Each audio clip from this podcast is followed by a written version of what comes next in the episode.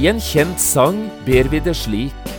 Lær oss elske hverandre og se hva det er du har ment med at vi bor der vi bor.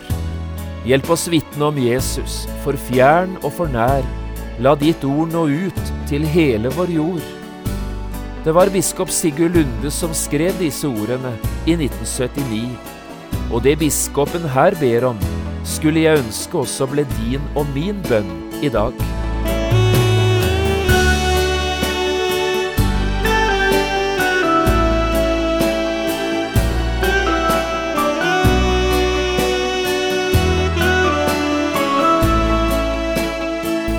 Hjertelig velkommen til et nytt program i serien Vindu mot livet. Programmet er produsert av Kristen Riksradio og blir ledet av Jon Hardang. Denne programserien er produsert med støtte fra Blom fiskeoppdrett.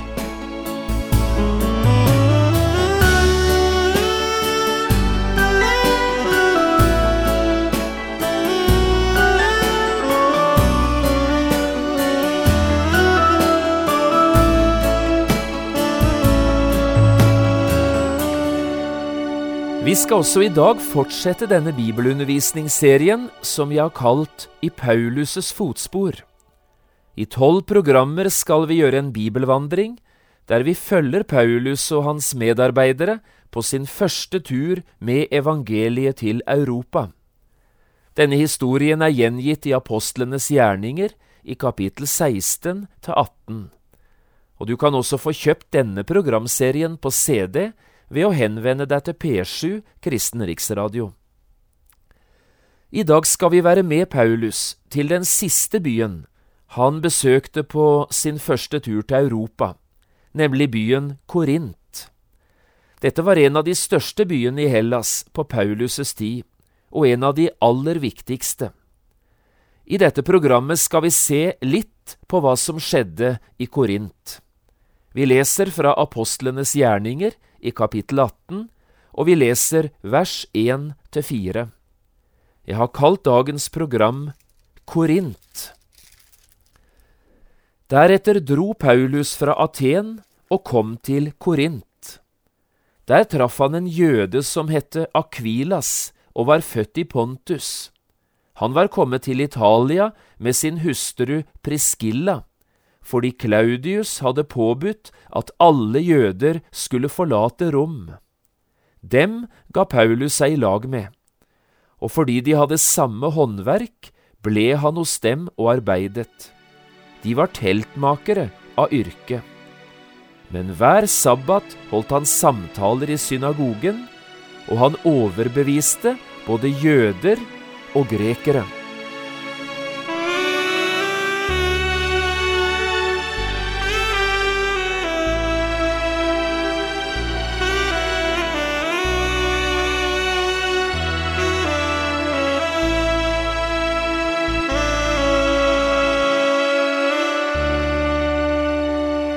Vi må bla om til et nytt kapittel i apostlenes gjerninger, når vi skal lese om det som skjedde da Paulus den første gangen kom til byen Korint. Vi må da finne fram til kapittel 18, og det er i første halvdelen av dette kapittelet, nemlig i vers 1–18, at vi får høre alt det som skjedde i forbindelse med besøket i Korint. Men med dette besøket begynner også et nytt kapittel i historien om hvordan evangeliet for første gang nådde Europa. Et kapittel som på flere måter forteller om en situasjon som var helt ny, både for Paulus og for de første kristne. Vi skal nå se litt nærmere på det som skjedde i Korint, og på den måten få oversikt over situasjonen som her oppsto, både for den store misjonæren Paulus og for de mange menneskene som gjennom han fikk høre evangeliet. For det første er det en helt ny og en på mange måter annerledes by Paulus kommer til når han kommer til storbyen Korint. Nå skal du høre. Korint var den største byen i Hellas på Paulus' tid, større enn både Tessaloniki og Aten. Vi regner faktisk med at det bodde ca. 300 000 mennesker i Korint da Paulus kom til byen mot slutten av denne store europaturneen.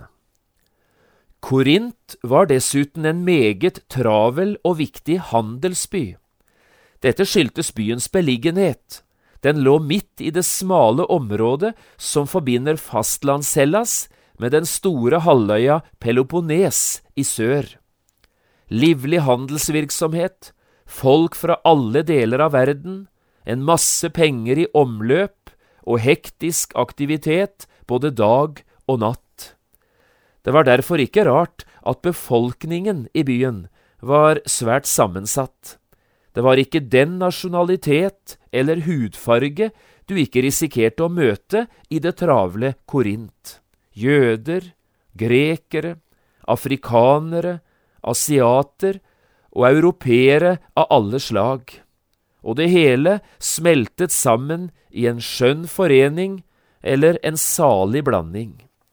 Du møtte kvinner og menn, slaver og frie mennesker om hverandre alt sammen i en eneste stor befolkningslapskaus. Ellers var Korint regnet som umoralens hovedstad blant alle storbyene rundt i middelhavsområdet. Å leve korintisk var bare en omskrivning for det å leve umoralsk, og en korintisk pike, det var på folkemunne det samme som en hore eller en prostituert ved det store Afrodite-tempelet i Korint. Afrodite, det var kjærlighetens gudinne for grekerne. Her regnet en med at det var tusen prostituerte kvinner til enhver tid i dette tempelet. Og alle former for seksuell virksomhet var tillatt, og det meste skjedde på åpen gate. Byens befolkning hadde dermed to store lidenskaper. Det ene var penger, det andre var sex. I hovedstaden Aten dyrket man filosofi og kunst, men dette hadde de ingen sans for i Korint. Her var det grådighet og materialisme det handlet om, og så i tillegg alle slags former for grov seksualitet. Dette var trendene i Korint og dermed møter Paulus en helt ny misjonsmark når han kommer til denne byen, i alle fall hvis vi sammenligner med det han ellers hadde møtt i Hellas. Og kanskje kjente Paulus seg til tider både avmektig, motløs og redd. Her i apostelgjerningene 18, i vers 9–11, fortelles det om noe som skjedde en natt med Paulus. Kanskje var dette en natt der han var fristet til å gi opp det hele, eller i alle fall var bekymret for det som skjedde. Da leser vi følgende. Herren sa til Paulus i et syn om natten, Frykt ikke, men tal, og ti ikke, for jeg er med deg, og ingen skal røre deg eller gjøre deg noe vondt, for jeg har mye folk i denne byen. Fruktene av dette synet Paulus fikk, var ganske bemerkelsesverdige. For så står det nemlig, så ga Paulus seg til der i ett år og seks måneder, og lærte Guds ord blant dem. Han ble altså værende i Korint mye lengre enn i noen av de andre greske byene han hadde besøkt. Jeg vet ikke hvilke tanker du får når du hører alt dette som her er nevnt, om storbyen Korint. Men nå skal jeg i alle fall fortelle hva jeg tenker. Av og til hører vi nemlig folk si at det aldri noen gang har vært så galt som det er i vår tid.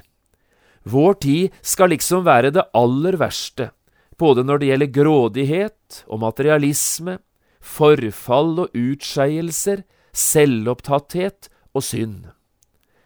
Jeg er ikke sikker på at det trenger å være helt riktig. Tvert imot, på en del områder tror jeg faktisk det var enda verre før enn nå. Tenk bare på Korint og det vi snakket om her.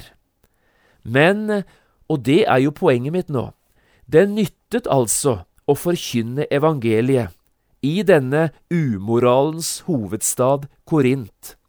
Her ble det vekkelse, og det ble grunnlagt en ny kristen menighet, selv om det var aldri så galt i byen fra før. Evangeliet viste seg å være en Guds kraft til frelse, også der. Derfor, tenker jeg, skal vi ikke miste motet. Det nytter å be. Det nytter å forkynne evangeliet. Det nytter å tjene Herren. Men dermed er vi også over på det andre, som var nytt for Paulus på denne første turen til Hellas. Det hadde noe med menighetsplanting og menighetsliv å gjøre. Det ble altså grunnlagt en ny kristen menighet her i storbyen Korint. Og det sier seg selv at det å danne en kristen menighet i en by som dette, det var ikke den enkleste sak av verden. Med den livsstilen som folk var vant til å praktisere i denne byen, og med de holdningene som preget de fleste av byens innbyggere, og med den mangel på verdier som hverdagslivet var preget av.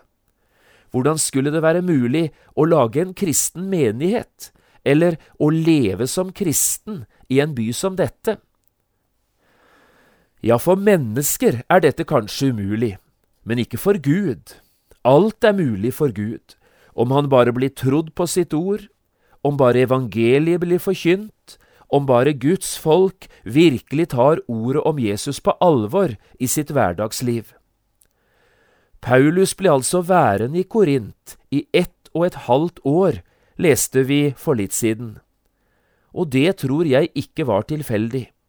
For var det ett sted de virkelig trengte oppfølging, veiledning, sjelesorg, hjelp og trøst, støtte og oppmuntring, ja, så måtte det være i en by som Korint, og i en menighet som befant seg i slike omgivelser.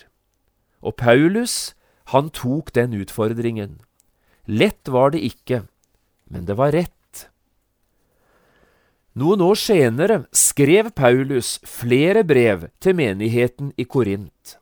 Det første av disse brevene er gått tapt, men de to neste, de kjenner vi. Vi kaller det for første og andre korinterbrev i Bibelen. En skal ikke lese mye i første og andre korinterbrev, før en forstår at her sto en rekke menighetsproblemer i kø. Og Paulus veileder, formaner og oppmuntrer gjennom disse to brevene så mye han bare kan. Nå er det noen som sier at første og andre korinterbrev ligner på to lange skjenneprekener, og så har de sterke meninger om hvor forferdelig galt det sto til med menigheten i Korint, hvor sløve og hvor versliggjorte kristne de var i denne byen. Men å tenke slik, og enda mer å snakke slik, det er ikke bare korttenkt, det er også blodig urettferdig. Første og andre korinterbrev er sterke vitnesbyrd om en mann, en evangelist, som våget å ta utfordringen med også å forkynne evangeliet i en råtten storby. Han tok belastningen, ikke bare med å lede mennesker til Jesus, men også å gå sammen med dem, måned etter måned, den lange og vanskelige veien for disse nye kristne, ut i et nytt liv og en ny frihet. Du som hører dette, prøv å les første og andre korinterbrev igjennom en gang til, nettopp under dette perspektivet så tror jeg du skal få en fornyet respekt for det som apostelen Paulus gjorde her, og ikke bare det, kanskje også en utvidet forståelse for hvordan det var å være kristen i en by som Korint. Ja, kanskje du også vil få en fornyet tro på at det nytter å forkynne evangeliet og drive kristen virksomhet, også i omgivelser som våre, og i et land som vårt der vi synes kristen tro og kristen tanke er på vikende front. Paulus kom altså til en ny by med helt nye kjennetegn da han kom til Korint. Og i denne nye byen grunnla han en helt ny menighet, og det gjorde han under forhold som han aldri tidligere hadde møtt maken til. Dette har vi altså snakket om nå. Men det var ikke slutt med det. Det tredje som var nytt for Paulus i denne byen, og det var gode nyheter. Paulus møtte flere nye og kjære medarbeidere i Korint. Han møtte til og med en som drev det samme håndverket som det han selv hadde drevet med i mange år, nemlig teltmakerarbeid. Nå skal du få høre en gang til det som står i begynnelsen av kapittel 18, vers 1–3. Deretter dro Paulus fra Aten og kom til Korint. Der traff han en jøde som het Akvilas og var født i Pontus. Han var kommet fra Italia med sin hustru Priskilla, fordi Claudius, keiseren, hadde påbudt at alle jøder skulle forlate Rom. Dem ga Paulus seg i lag med, og fordi de hadde samme håndverk, ble han hos dem og arbeidet. De var teltmakere av yrke. I et tidligere program prøvde vi å løfte fram Paulus' misjonsstrategi. Her sa vi blant annet at Paulus aldri ønsket å være en byrde for andre. Heller ikke hadde han noe ønske om å bli beskyldt for latskap. Derfor arbeidet han med sine hender, samtidig som han hver dag forkynte evangeliet og samtalte med folk. Men det var først her i Korint at det ble født noe helt nytt, noe som har holdt seg til vår tid, til denne dag ja, som til og med har blomstret opp de siste par tiårene. Jeg tenker på det vi kaller for teltmakerarbeid, eller det å være teltmaker for Herren. Hva jeg mener med det? Jo, det skal du få høre litt om nå, mot slutten av dette programmet. Når jeg nemlig nå bruker ordet teltmaker, bruker jeg det altså i overført betydning. Og det som nå ligger i ordet, det skal du få høre om med et par kristne nettsteder som kilde. For det første, her i Norge har vi en tverrkirkelig bevegelse som heter TENT. Navnet betyr rett og slett telt. Denne organisasjonen vil være et ressurssenter for det vi her snakker om, nemlig teltmakertjeneste. På nettstedet til denne bevegelsen, tent.no, kan vi lese litt om hva dette med teltmakertjeneste handler om. Det blir sitert fra apostelgjerningene 18, nøyaktig det samme bibelavsnittet som vi nå leste. Men så fortsetter artikkelen på denne måten. Slik begynner teltmakernes historie i en av havnebyene ved Middelhavet. Paulus var altså teltmaker av yrke da han var ute og forkynte Guds ord på sine misjonsreiser. Siden har teltmakerbetegnelsen blitt brukt på alle som gjennom sitt yrke har krysset kulturgrenser, og som gjennom liv og tjeneste har forkynt evangeliet om Jesus Kristus for nye folk og nye folkeslag. Kirken trenger tusener av kristne arbeidsfolk for å videreføre dette evangeliseringsarbeidet. Det gjelder ingeniører, forskere, businessfolk, helsearbeidere, idrettsutøvere, dataeksperter og alle slags lærere. Altså misjonsmotiverte kristne som kan kombinere arbeid og evangelisering i det 21. århundre. Akkurat slik Paulus gjorde det i Korint i det første århundret. Dette synes jeg er en flott beskrivelse, og virkelig noe til å bli klok av og pinsebevegelsens yttermisjonsarbeid, PYM, skriver litt av det samme på sine hjemmesider. De skriver det slik. Paulus brant for å bringe evangeliets lys videre. Han var teltmaker, og ved å utøve sitt yrke forsørget han i perioder både seg selv og sine medarbeidere under misjonsreisene. Dagens teltmakere er engelsklærere, dataingeniører, forretningsfolk og mye mer. Og så spør de på nettstedet Hva er en teltmaker? Og så kommer definisjonen. En teltmaker er en kristen som gjennom sitt sekulære yrke eller studium er ledet til et annet folk for å være vitne om Kristus. I en arbeids- eller studiesituasjon kommer en lett i kontakt med mennesker, og det å være vitne blir da en mer naturlig del av hverdagen. Strålende. Og skulle vi nå spørre, hvor trenges slike teltmakere, og hvorfor er det bruk for dem? Ja, så er svaret ganske enkelt. Det finnes en rekke land fremdeles som er lukket for tradisjonelle misjonærer, men som er åpent for evangeliet. Det er her teltmakernes største utfordring ligger. De vil inn i de lukkede landene. Så langt dette med teltmakertjeneste og det som Paulus på denne måten dro i gang i Korint. Hovedsaken er altså egentlig ikke å være teltmaker. Hovedsaken er å forkynne evangeliet. Teltmakerarbeidet er bare en måte å livnære seg på. Slik tenkte Paulus, og slik tenker dagens teltmakere.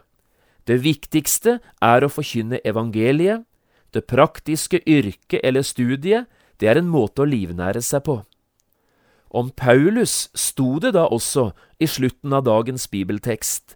Hver sabbat holdt han samtaler i synagogen, og han overbeviste både jøder og grekere. Dette er teltmakeren i full sving, opptatt med å forkynne evangeliet og vise andre mennesker vei til Jesus. Et enkelt sangvers kommer i tankene mine når vi snakker om dette med teltmakerarbeid. Verset er skrevet av tidligere biskop Sigurd Lunde i 1979. Det handler verken om teltmakertjeneste eller andre sider av Paulus' virksomhet i Korint. Det handler om deg og meg, og det livet vi skal leve i dag, på stedet der vi bor. Dette sangvers er egentlig en bønn, og denne bønnen skulle jeg ønske vi nå kunne be sammen til slutt i dagens program. Vil du være med på dette? La oss be. Gud, lær oss elske hverandre og se hva det er du har ment med at vi bor der vi bor. Hjelp oss vitne om Jesus, for fjern og for nær. La ditt ord nå ut til hele vår jord. Herre, led du oss frem. La oss bli til hjelp for dem som du viser oss trenger en hånd. Gi oss lys til å se Gi oss vilje til å be. Herre Gud, fyll vårt liv med din ånd.